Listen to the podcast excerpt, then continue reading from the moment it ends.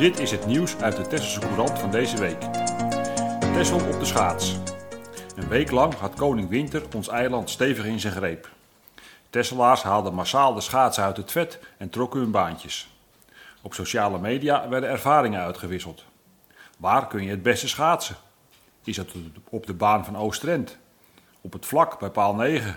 Of toch misschien op het oostelijk Horstmeertje? De primeur was voor de koog. Niemand minder dan Rintje Ritsma, alias de Beer van Lemmer, opende daar woensdag al de baan op de Nicadel. Aan alle ijspret kwam zondag aan het eind van de dag een abrupt einde.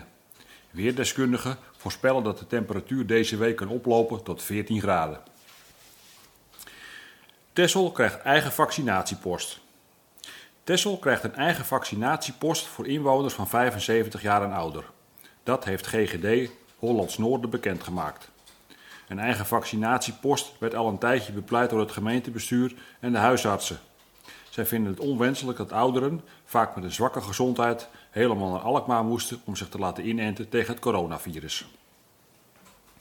Waddenheli. Iemand die dringend medische hulp nodig had, is zondagmiddag met de Waddenheli naar het ziekenhuis gebracht. Door extreem laag water was de boot enkele uren uit de vaart.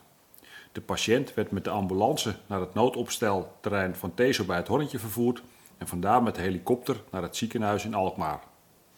Het fenomeen van de Waddenheli werd een paar jaar geleden in het leven geroepen toen Defensie het ziekenvervoer van de Friese Waddeneilanden afstoten. De Waddenheli is er vooral voor Friesland, maar in geval van nood kan ook Texel er een beroep op doen. 45.000 bedden. Wat veel Tesla's al vermoeden, blijkt nu de waarheid. Texel is de grens van 45.000 recreatieve slaapplaatsen al gepasseerd. Volgens een officiële telling gaat het om 44.161 slaapplaatsen. Maar daarbij moeten de bedden in de logies- en ontbijtsector en die van de jachthaven in Oude Schild nog worden opgeteld. De bovengrens van 45.000 bedden werd in de jaren 70 vastgelegd. Doel was te garanderen dat Texel leefbaar zou blijven en niet aan zijn eigen economische succes ten onder zou gaan. De Baron. Vrienden en familie namen vorige week dinsdag afscheid van Henk Witte, ook wel bekend als de Baron. Op de route naar de katholieke begraafplaats van Den Burg vormden collega kraanmachinisten en hun materieel een lange eerhaag. Het lichaam van Henk lag in de laadbak van een kraan. Het was een indrukwekkend gezicht, meldde onze verslaggever. Gemeente Delft-Onderspit. De bestuursrechter in Haarlem heeft een 86-jarige inwoner van Jan Dirksoord in Den Burg in het gelijk gesteld. De vrouw had bezwaar aangetekend tegen de weigering van een gehandicapte kaart op kenteken. Volgens de gemeente had ze daar alleen recht op gehad als ze afhankelijk was geweest van een rolstoel. Maar volgens de rechter wordt deze eis door bijna geen enkele gemeente gehanteerd. Tesselse studenten in coronatijd. Ze hadden zich er zo op verheugd. Studeren, op kamers gaan, nieuwe mensen leren kennen.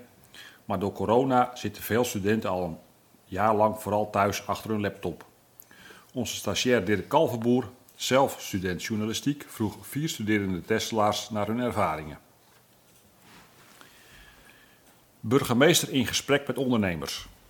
Veel Tesselse ondernemers maken zich grote zorgen. Geen inkomsten hebben, terwijl de vaste lasten en de zorg voor personeel gewoon doorgaan. Om te horen wat er leeft, gaat burgemeester Michiel Uithaag in gesprek met hen.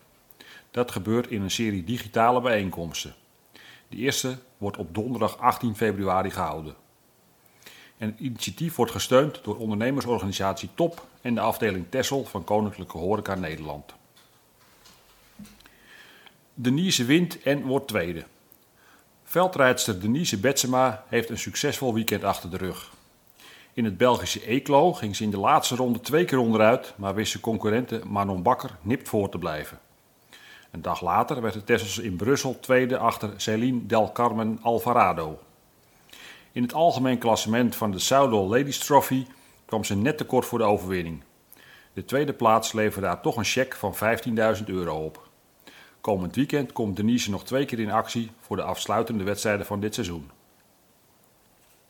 Historische foto's naar Alkmaar. Stichting Tessels Museum heeft besloten een collectie historische foto's over te dragen aan het regionaal archief Alkmaar.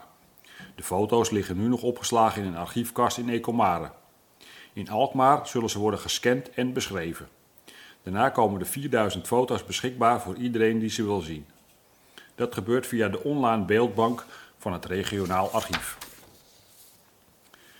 Kamervragen. De gewijzigde vliegroute voor straaljagers boven de Vliehors. Dat was het onderwerp waarover Tweede Kamerlid Gijs van Dijk uit Den Burg Kamervragen heeft gesteld. Van Dijk wil van minister Bijleveld van Defensie weten of ze de wijziging kan terugdraaien, zodat de geluidsoverlast boven het noorden van Texel kan worden voorkomen. Oud-Tesselaars aan het woord. Onze stagiair Dirk Kalverboer is een nieuwe serie gestart, waarin hij oud-Tesselaars interviewt die naar de overkant zijn verhuisd. Het spits werd in de krant van dinsdag afgebeten door Rob Becker, 54 jaar geleden geboren in het huis naast dorpshuis Het Skiltje in Oude Schild en tegenwoordig woonachtig in het Noord-Hollandse Sint Maarten.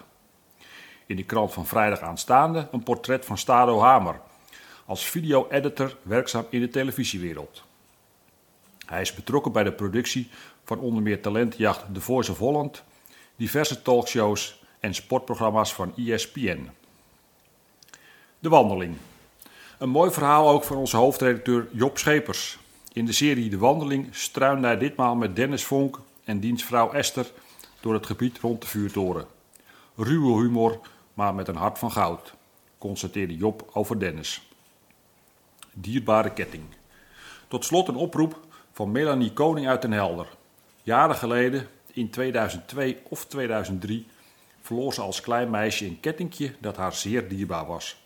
Gemaakt van de trouwring van haar overleden vader. Melanie, 30 jaar inmiddels, moet het zijn kwijtgeraakt tijdens een schoolkamp op Texel. Vermoedelijk bij Immetjeshoeven, even buiten Den.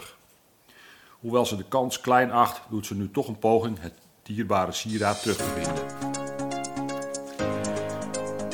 De Tesselse Courant verschijnt twee keer per week en staat steeds boordevol nieuws, reportages en achtergronden. Kijk voor de mogelijkheden van een abonnement op www.tesselsecourant.nl of stuur een mailtje naar info.lerr.nl. Bellen kan natuurlijk ook. Het nummer is 0222